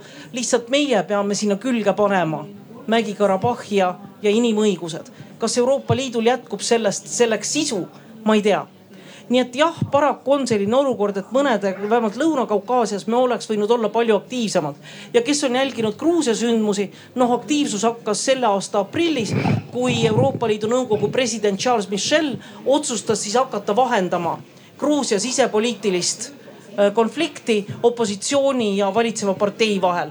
no lõppes edukalt, saavutati kokkulepe tänaseks on kõik sellest kokkuleppest välja astunud. nii et oli nagu hetke edu aga Gruusia puhul olen ma optimistlikum sest paistab, et Gruusia on teinud nii palju reforme, et seal tõesti tahetakse tihedamat koostööd Euroopa Liiduga ja ka väärtuspõhist koostööd Euroopa Liiduga. nii et noh, alati võib öelda, et saaks teha rohkem tagantjärgi tark olles. ja Mägi-Karabahhi kohta ütlen, et tegelikult noh, meie sõnumid olid õiged me austasime rahvusvahelist õigust, me kutsusime Armeeniat, Aserbaidžaani rahumeelselt seda konflikti lahendama. et noh, tundub nagu tegime õigesti, aga kindlasti ei olnud see piisav annaksin Markole jah sõna siin vastuseks võib-olla, et, et kas seesama küsimus, et kas me peaksime eeldama ja lootma, et näiteks NATO ja Euroopa Liit töötavad ette välja, noh kord on teada, et küsimus on millal, mitte kas. või siis näiteks järgmine kord, kui me räägime Minski puhul, siis Eesti Vabariik ja, või kolm Balti riiki kõik koos, mida ma ka pakkusin lehes välja ja keegi ei võtnud sellest tuld. et meie kolmekesi võtamegi initsiatiivi ja teeme, sest see on meie nurgake ja see lõpuks jõuab meile kohale. et ju me passisime aasta otsa, me ei teinud eelmine suvi mitte tuhkagi peale selle, mida Leedu tegi üksinda. nüüd on nad migrandid kohal.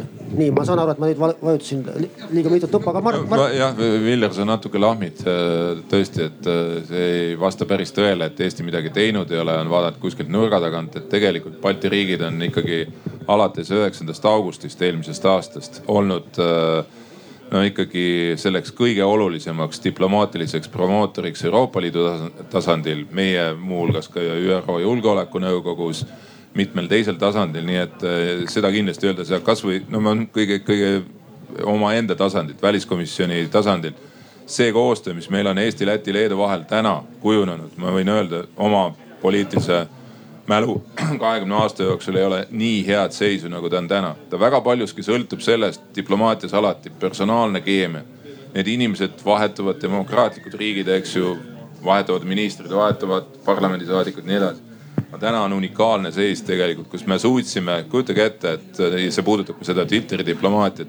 kui Valgevenes võeti lennuk alla äh, äh, nii-öelda riikliku terrorismi tulemusel, me suutsime kahe tunniga paljuski tänu Twitterile koostada päris jõulise avalduse, mille taga olid Ameerika Ühendriigid, Suurbritannia, Saksamaa, Eesti, Läti, Leedu, Poola ja nii edasi, aga initsiaatoriteks olime meie mitmed teised teemad on tegelikult sealt samamoodi välja tulnud, nii et äh, ma ei ole sellega nõus äh, sellise, sellise nagu hoiakuga, et umbes, et äh, me ei ole Valgevenet aidanud, et teate, ma, ma olin esmaspäeval olin Vilniuses kus toimus, tuhanded inimesed olid Vilniuse kesklinnas. Tsihhanovskaja pidas kõnet, noh ütlesin minagi Eesti toetuseks sealt kõne, kõne paar minutit ja, ja tegelikult see, kuidas me oleme, jah, me võiks veel rohkem, Leedu on loomulikult olnud frontrunner, aga nendel on ka täiesti arusaadavalt suuremad huvid seoses Valgevenega, kui on meil aga, aga kasvõi näiteks see väike näide siin jooksis läbi sellest küsimusest hübriidrünnak eh,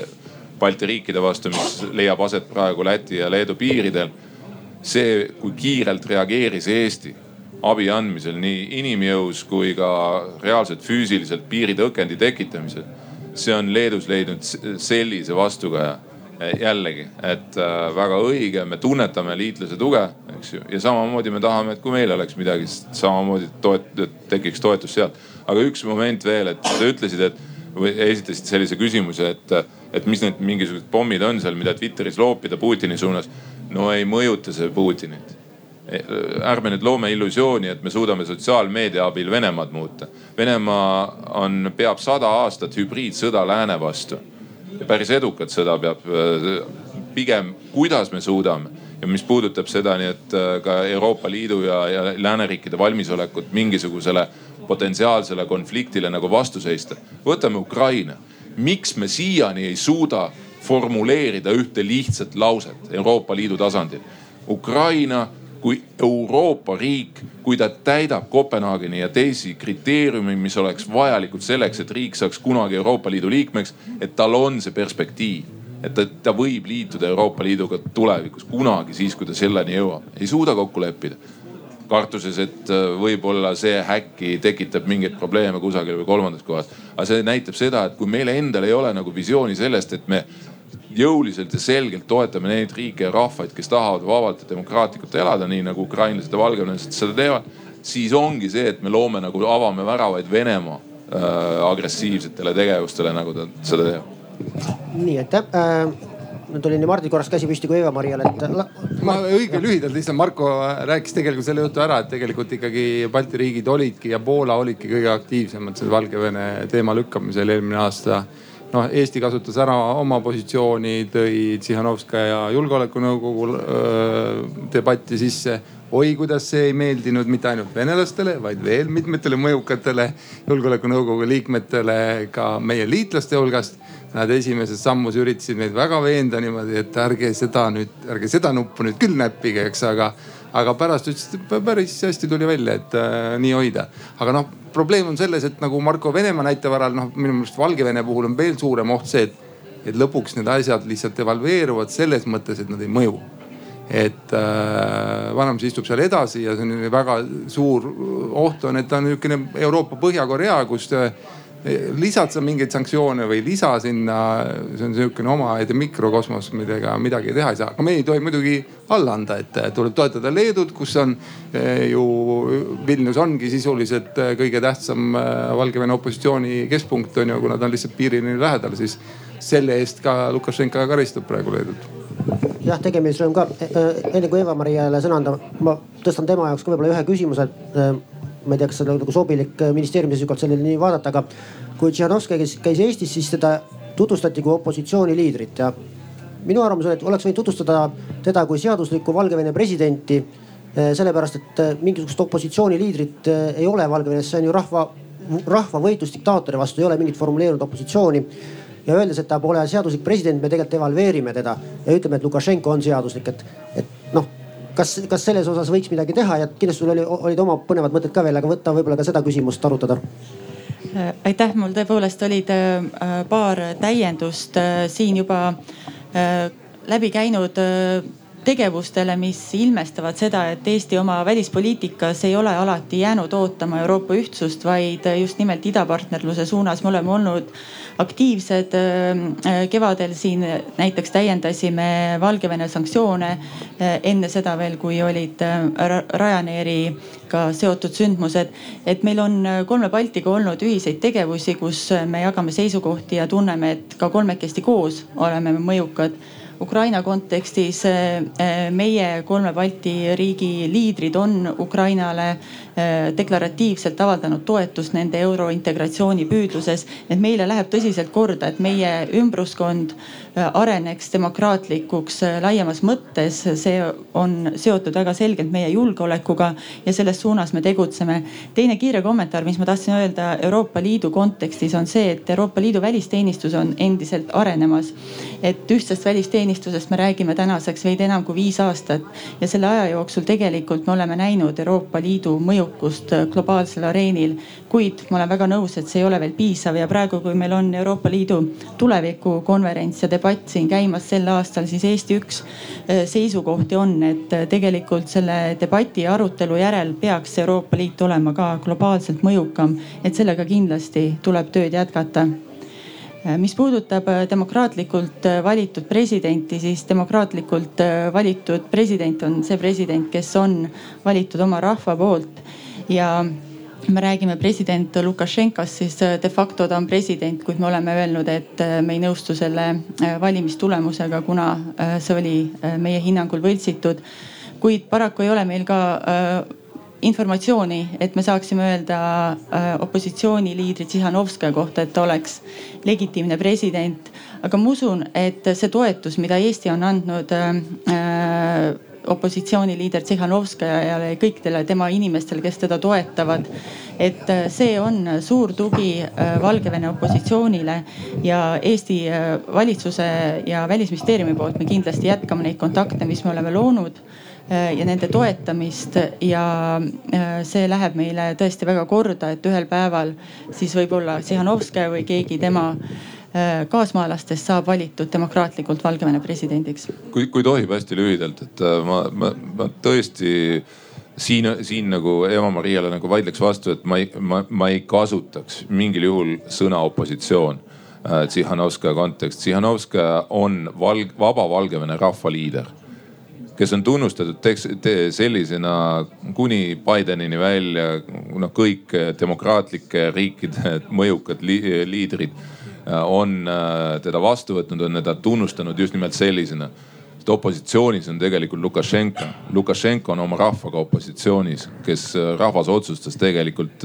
tuua muutuse Valgevenes ja, ja kui me ise nagu äh, nii-öelda äh, kasutame terminit äh, Tsihhanovskaja puhul opositsioon, siis me tegelikult päris hästi ikkagi ei usu, et et äh, Lukašenka valimised võltsis, võltsis, väga selgelt võltsis ja selleks on olemas väga paljud tõendid, mille alusel võib öelda, et Tsihhanovskaja võitis tegelikult eelmise aasta üheksandal augustil esimeses voorus jah, ma märkusena ütlen, et, et võib-olla me aeg-ajalt peaksime mõtlema, kuidas see kõlab nende kohalike keelte kontekstis, et, et opositsioon on ikkagi teatud slaavi rahvaste puhul ikkagi see luuseri kamp nagu Lenin Poolas, et, et noh, see, see, see ei ole tegijad, et noh, kui, kui me teda sildistame, siis me tegelikult tõmbame teda oma, omaenda inimeste silmis ka alla. Et, et noh, tegelikult teinekord ka selline keeleline analüüs võiks aidata, aga Karin mida sina muudaksid või kui me nüüd saaksime noh, ka sama Minski näitel või, või teiste kollete näitel, et et enne kui me järgmine kord jälle hiljaks jääme, mida siis nüüd võiks kohe tegema hakata? ma jälgisin seda, kuidas Eesti oma kahe julgeolekunõukogu aasta jooksul teemasid tõstatas ja mida ta sai laua taha ja mida ta ei saanud. ja minu jaoks oli väga huvitav võrdlus, äh, et julgeolekunõukogu agendas on teatud teemad ja neid teemasid, mis seal ei ole, on sinna keeruline sisse saada. aga vot aafriklased saavad ja eurooplased ei saa et kui oli probleem äh, Etioopias siis aafriklased loomulikult võitlesid selle vastu, et nende riik läheks julgeolekulaua taha, aga see saadi suurde saali.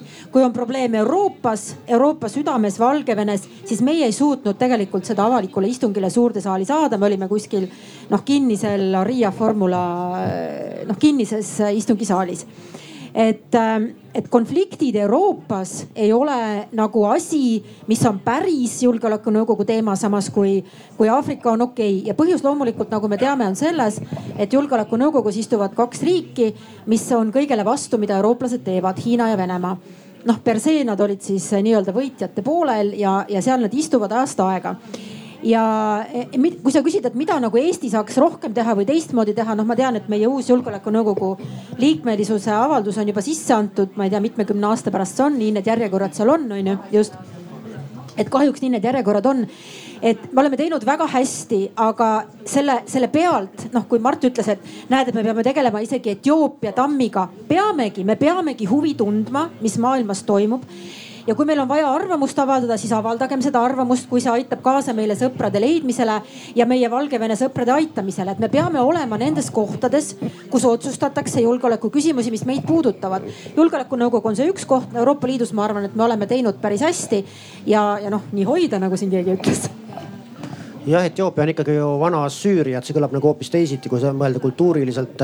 et kindlasti ma arvangi, et võib-olla see hakkab nüüd ise olles ülikoolis, ma ütlen, et see hakkabki sealt pihta, et me tegelikult ei õpeta Aafrikat, me ei tea.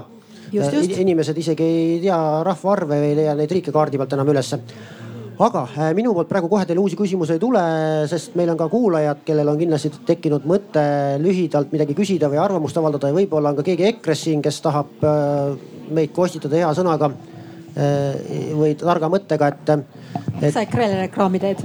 Äh, mina olen ausa võitluse poolt äh, selles mõttes, et minu jaoks demokraatia ongi see, et parem olgu nad valimisvõitlusel kui, kui kuskil mujal. et ma, ma jään selle juurde, et äh, parem tulgu siia ja näidaku oma teadmisi. see ongi avatud demokraatia. aga nii kuulajate hulgas sadage käsi püsti, kes tahaks ja siin on juba paar kätt näha. ja. tere kuna hommikuses välispoliitikas oli paneelis ainult mehed, siis see on küsimus naistele aga küsimus on, et Leedu avas hiljuti Taiwan'i saatkonna Leedus ja oma kaubandusesinduse Taiwan'is. Eh, kas Eesti peab tegema midagi sarnast? kes tunneb, äh, valime ainult ühe inimese võib-olla, et siis me saame rohkem küsimusi, et kes tunneb vastajatest äh, et ta tahaks sellele teemale öelda midagi? kuna minul on kõige väiksem afiliatsioon igasuguste valitsuserakondadega, mina võin vabalt vastata, mina arvan, et see oleks väga julge mõte. ma arvan, et see oleks Eesti jaoks tegelikult hea mõte sama tegi Taiwan ka mõnede Aafrika riikidega, ma siin küll korrutan Aafrikat, aga, aga Taiwan peab seda oma äh, nagu suureks äh, saavutuseks. ja ma arvan, et meil on aeg tegelikult mõelda järele, kas me peame olema nendes Hiina formaatides ja, ja kummardama Hiina äh, välispoliitika ees ainult sellepärast, et me arvame, et meil on tohutu kaubavahetus Hiinaga, mida tegelikult numbrid ei näita, nii et äh, ma arvan, et me kindlasti võiksime selle peale mõelda jah, seda enam, et, et see, see Hiina, millest me räägime, seda kohalikus keeles pole olemaski, et, et see, nendel ei ole suur Hiina müür, eks ju, ma arvan, et enamik teist teab seda Mart tahab öelda kommentaari. ma praegu oponeeriks sisuliselt sellele, et noh vaata, et, et sõjad on meile õpetanud, et ükski riik ei saa endale lubada mitut rinnet korraga lahti hoida, onju. ja ammugi ei suuda seda väikesed, ei tohiks seda väikesed riigid endale lubada. Mis oleks Leedu huvi praegu Hiinaga antud kriitilises olukorras, kus tegelikult Leedu Valgevene eh, hübriidkonflikti tuleks arutada julgeolekunõukogu laua taga, eks. Ja, ja seal meil tekib veel üks seltskond, kes ei ole huvitatud sellest, onju võib-olla hoopis muul põhjas, põhjusel, et, et äh, tegeleme asjadega tähtsusjärjekorras ja ärme kõikidel lahingutes äh, samal ajal osale. vaata, siin sa ütledki, et väärtuste põhisus tegelikult ei ole oluline ja jätame selle kokkuvõtteks, kui meil jääb aega, see on tõenäoliselt üks neid kandvaid debatte. nii järgmine käsi, kes tahab küsida, siin keskel paistab üks käsi, äh, habemega noormees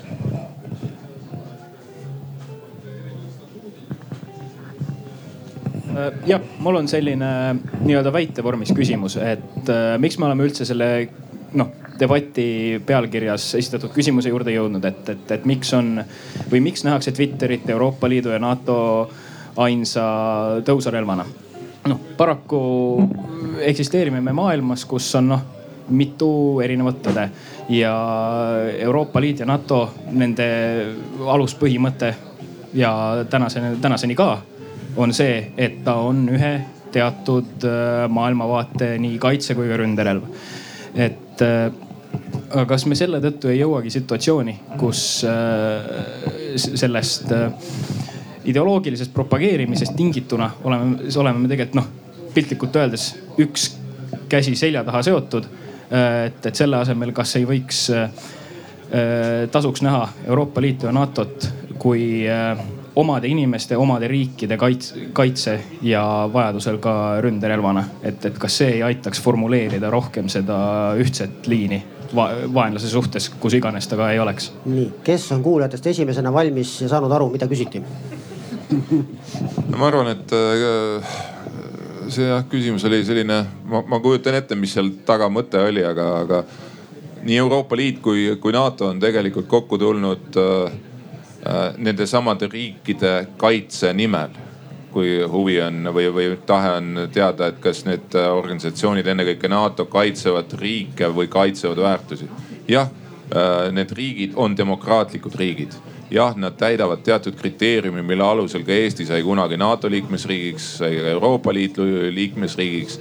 ja tegelikult äh, need on tege-, ütleme niiviisi, need ei ole mingid väga spetsiifilised väärtused, need on universaalsed väärtused, mis on omased avatud ühiskondadele, demokraatlikele riikidele, kelleks on NATO liikmesriigid ja Euroopa Liidu liikmesriigid ja me ei kasuta NATO-t ründerelvana. NATO on ikkagi kaitse kaitseallianss äh, ja, ja on meie julgeoleku ikkagi väga oluline komponent. ilma selleta Eesti julgeolek oleks äh, noh, väga-väga palju hapram aga ma selle küsimuse puhul jätkaks korraks, ma arvan, et see võiks sobida kõige paremini Marinale see küsimus.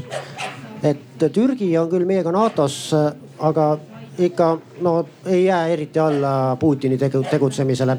kas, no ma saan aru, et äh, NATO seisukohalt võib-olla ei ole hea kätt tõsta, aga, aga kas näiteks Euroopa Liit peaks väga selgelt taunima seda, mida Türgi teeb naabrite juures? no tegelikult Euroopa Liit on seda väga selgelt tauninud ja nüüd jällegi eriti kui ma räägin Euroopa Parlamendi seisukohalt. Euroopa Parlamendis on olnud viimase poole aasta, aasta jooksul mitmeid kriitilisi arutelusid ja, ja väga tugevaid resolutsioone. Euroopa Parlamendil on seda lihtne teha. Euroopa Parlamendis on parlamendisaadikud. kus on, kus see küsimus tegelikult peaks olema hoopis Evale, sellepärast et valmisolekut avalikult kritiseerida või tugevalt kritiseerida ei ole liikmesriikidel parlamendisaadikud on alati vabamad kui liikmesriigid, sest liikmesriikidel tulevad mängu ka teised huvid. nii et Euroopa Parlamendi poolt oleme meie olnud väga kriitilised Türgi suhtes. aga kui Eva-Maria on valmis ütlema midagi selle kohta, siis, aga ei pea. Türgi Türgi sisepoliitilised arengud on tõepoolest valmistanud äh, muret pikki aastaid juba, juba ma ei tea, oli see aasta kaks tuhat kaksteist, kolmteist, neliteist, kui me nägime seal ka sotsiaalmeedia sulgemist valitsuse poolt ehk siis ka seotud meie tänase teemaga. Ja kus olla valitsusena kriitiline on tõepoolest äh, keerulisem, äh, sest ma saan aru, et siin ju otsitakse ikkagi avalikku sõnumit. aga ma sooviksin siin välja tuua, et diplomaatias ei ole ainult avalikud sõnumid, et tegelikult liitlaste ja lähedaste kontaktidega esmalt alati räägitakse loomulikult omavahel ja tõstatatakse murekohti Äh, kuid Türgi arengud on tõepoolest sedavõrd äh, meile teinud muret, et Euroopas me oleme näinud ka ühisseisukohti ja ma meenutan seda kevadet, kui äh, Türgi astus välja Istanbuli konventsioonist, mis on naistevasta, naistevastase vägivalla konventsioon ja, ja väga palju avaldati Euroopa Liidu poolt ühist muret selle konkreetse sammu suhtes. nii et kui nähakse muret, siis ikkagi ka seda tõstatatakse aitäh. Mart Türgi on meile väga tähtis, äh, sõjalises mõttes väga tähtis partner ja see üks kõige keerulisemaid kohti meie jaoks on olnud see Küprose, Türgi äh, vaidlus, eks ole, kus meil tegelikult mõlemal pool lauda on põhimõtteliselt liitlane erinevas liidus ja kes omavahel on väga tõsises tülis, eks, et äh, see, et kuidas türklased asjatasid seal Põhja-Süürias, see on, ütleme Eesti jaoks võib-olla natukene kaugem teema, aga noh, see Küprose olukord on täpselt nii, et, et, et, et ma olen nõus, väärtuspõhine on äh, poliit-, välispoliitika on väli, väikese riigi jaoks väga oluline, aga ega reaalpoliitik ikkagi kuhugi ära kadunud ei ole sellises olukorras. jah, ma ei tea, kas te teate, et äh, Leedu on pidanud sõda Türgiga. on toimunud lahingud Transilvaanias, Leedu vürstiriigi ja Türgi vahel et Eestil vist ei ole midagi nii šarmantset ette näidata. aga siin oli veel üks käsi ja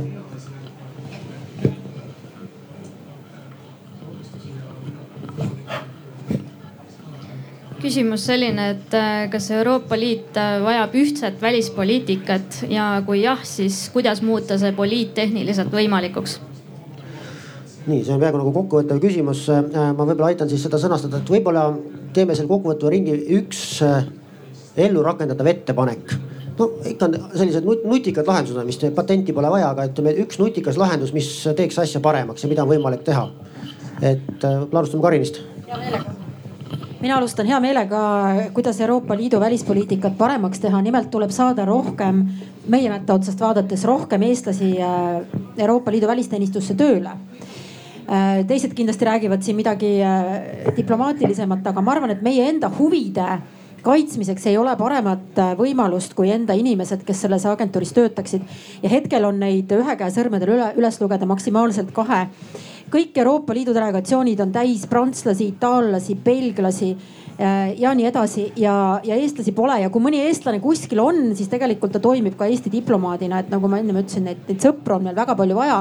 ja siin tegelikult on minu kivi välisministeeriumi kapsaaeda, kes ei tee aktiivset personalipoliitikat nii Euroopa Liidu, ÜRO kui muude rahvusvaheliste organisatsioonide sisse tööle saamise suunas. jätame selle kriitika jah lõppu, Eva-Maria, jätame viimaseks. Marina Äh, kindlasti on vaja ühtset äh, välispoliitikat. kuidas seda saavutada? noh, ma ei ole ka nii naiivne, kõigis küsimustes me seda ei saavuta. nii et ma arvan, et peab olema ka realistlik et võib-olla mõnes küsimuses meile Euroopa Liidu nii-öelda ühtne kokkuleppimise võimekus võib olla pettuseks, pettumuseks, aga pigem aktsepteerida seda, et olgu nõrgem seisukoht, aga seda arvavad kakskümmend seitse mitte minna seda teed, et tehakse kahepoolseid kokkuleppeid, kahepoolseid lepinguid üle peade, sest siis on see üle meie pea. aga jah, diplomaatia, diplomaatia, diplomaatia, noh diplomaatia on olnud minu eluarmastus, see on kunst, see ei ole lihtne, aga Eesti diplomaadid on väga head ja diplomaatia on kindlasti see relv, millega tuleb, millega tuleb töötada igapäevaselt tagasi nutikate lahenduste juurde, jah. mis puudutab äh, seda Euroopa Liidu ühtset välispoliitikat, siis minu arvates see on äh, toimib päris hästi. sest äh, ta on ju alles lasteaias. et ta on ju tegelikult, kui me mõtleme, et Maastrichti lepingust on äh, vaevu kolmkümmend aastat möödas ja kui me mõtleme, kui pikalt on äh, needsamad Euroopa Liidu liitu kuuluvad riigid tegelikult rahvusvahelises poliitikas toiminud ja oma nii-öelda enda diplomaat, diplomaatilist äh, arengut äh, vedanud, et siis äh, tegelikult see, et, et me ikkagi näeme ükskõik Venemaa, Ukraina, lõuna, ida, põhja suunal, ka Hiina suunal, eks ju. ikkagi küllaltki ühtset käitumist kahekümne seitsme nii erineva riigi puhul. mõelge, no Eesti, Itaalia, Portugal, ma ei tea, Küpros, eks ju, äh, ja Prantsusmaa ja Saksamaa sealhulgas. et äh, tegelikult see on noh ütleme, ma usun, et kõik, kes me oleme siin mingil määral kohtunud erinevatel tasanditel Euroopa Liidu sellise mingi ühispositsiooni kujundamisel, siis ma ei ole näinud küll kusagil ei prantslaste, sakslaste ega väiksemate riikide seas ammugi mõtet, et, et me, et me ei peaks koos midagi tegema. ja üheks väga oluliseks argumendiks on see, et, et kui Saksamaal on elanikke vähem kui Hiinas kommunistlikus parteis liikmeid, siis on täiesti selge, et peame ühte jalga astuma. üks, mida teha, võib-olla olulisem diplomaatia on alati toekam, kui su selja taga on jõud. ja see, et Euroopa Liidu liikmesriigid või Euroopa riigid on äh, üleolevalt suhtunud kaitsekulutuste äh, tõstmisse või kaitse nii-öelda domeeni arendamisse, on ka vähendanud sõna kaalu äh, diplomaatias enne Mardile andmist, kas, kas võib-olla Mardile siis mõte kaasa, et kas Euroopa Liidu välispoliitika on nagu musketäride lõputud seiklused kardinali vastu, sihukene teeme koos sellepärast, et teeme, võitleme sellepärast, et võitleme. ja kui isegi vaesel Richelieul on mingi plaan, siis lihtsalt nagu noh, meil on väärtused, et ei, see on äh, ikka natukene enamat, aga ma ütleks nõnda, et, et, ähm, et äh, ta on tõesti nii äh, lasteaia, lasteaias veel oma, oma ea poolest, et ega ta välja ei ole kujunenud. kui ma noh nendin näiteks, meenutan talvist kõrge välisesindaja minekut Moskvasse, eks ole paljud liikmed, liikmesriigid, näiteks Balti riigid ühemõtteliselt olid sellele vastu ei kuulatud meid, mindi, tehti ikka ennast narriks, et siis selles mätta otsast võib öelda, et ei ole seda välispoliitikat üldse, et see välispoliitik, äh, ühtne välispoliitika saaks olla ainult ulatuses äh, ainult piiratud ulatuses. Ja piiratud ulatus on põhimõtteliselt see, kus me oleme, äh, suudame leida liikmesriikide konsensuse mida ei, ei pruugi olla kõikides punktides ja siis sellest kõiges ei saa endale ka võtta, sest tegelikult eh, ka kõrge välisesindaja peab ju, juhinduma mitte oma kontori eh, jutupunktidest, vaid liikmesriikide ühisest seisukohast. et täpselt nii kaugele sa ühine välispoliitika võibki ulatuda, eks, mitte kaugemale. ja, ja, ja, ja minu soovitus on see, et ärme võta rohkemat ette, ärme tõmba punaseid jooni, millest me üle astume, meenutades Obama ja Süüria juhtumit, eks ja noh, umbes nii nagu Churchill kunagi ütles, et kui sa juba põrgus kõnnid, siis astu edasi. ja Eva-Mariale ka positiivseid ettepanekuid, mida võiks siis muuta, et, et järgmine aasta saaksime öelda, et meil oli siin hea ettepanek ja tehti ka kõigepealt ma sooviks vastata sellele mõttele, et kas Euroopa Liidu välispoliitika on ühtne, et äh, kord kuus käin ma, äh, kohtun teiste välisministritega ümber ühise laua ja kord kuus meil on ka konkreetsed seisukohad ja arvamused ühes või teises välispoliitilises küsimuses. nii et äh, ühtset välispoliitika, et ühtset välispoliitikat Euroopa suunas Euroopalt me näeme ja loomulikult nagu enne oli jutuks, siis seda tuleb edasi edendada, et seda ühtsust oleks rohkem.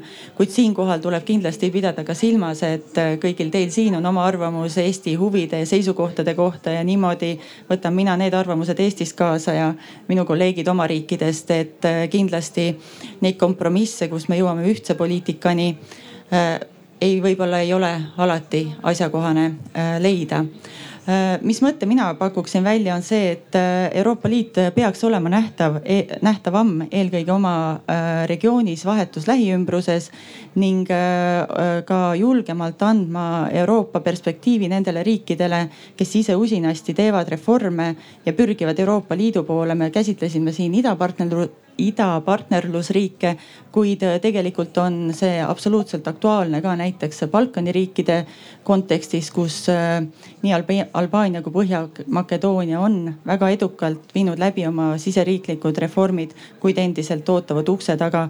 nii et äh, läbi nende sammude Euroopa Liit näitab usaldust enda suhtes ja samamoodi motiveerib riike demokraatlike, demokraatliku arengu suunas jah, ma juhtusin olema Tiranas sellel päeval, kui see uudis tuli kohalikele ja, ja tõenäoliselt keegi ei oleks tahtnud Prantsuse lipuga tänavale minna, et, et see oli üsna selline noh, kurb oli olla, olla seal, ütleme nii, et püüdsite nendega midagi rääkida, aga, aga vahel me tõesti ei mõtle, mis, mis nemad seal mõtlevad. aga võib-olla minu poolt kokkuvõttev mõte teile kaasa, et, et Euroopa Liidu ühtne välis- ja julgeolekupoliitika on natuke nagu korteriühistu kokkusaamine korra kuus, et ma ei, me ei oskaks öelda, et me seal midagi positiivset räägime, me kui ühine asi, me oleme kõik otsustanud seal käia ja me ikka jõuame kohale ja me oleme kõik otsustanud ühes majas elada ja, ja me nagu räägime ühte keelt, aga, aga kui kui ma järgmine aasta tunnen, et see on midagi rohkemat kui Euroopa Liidu korteriühistu koosolek, siis, siis on juba suur samm edasi. ja suur tänu teile ja, ja kui teil vahel on, vahel on mahti, kaasake teadlasi ka. teadlased istuvad ka praegu selles mitte eksiilis, vaid isolatsioonis ja, ja ma loodan, et tegelikult nii koroonaviirus kui, kui kõik need Twitteri asjad, tegelikult see muudab väga palju ja ma, mis ma peaks ütlema, et võib-olla eriti Venemaa ja Valgevene on seda kasutamas enda kasuks, et nad on pannud kanaleid kinni. et, et mis on olnud võib-olla meie suur soov, et nad ei saaks liikuda ka infot. aga mis teadusest paistab, on ka see, et, et nüüd on hakanud tekkima juba hoopis teistmoodi teemonid, et kujutatakse ette asju, mis on väga elukauged ja võib-olla see ei tööta enam meie kasuks. Aga veel korra suur tänu kõigile tulemast ja loodetavasti järgmisel aastal jälle.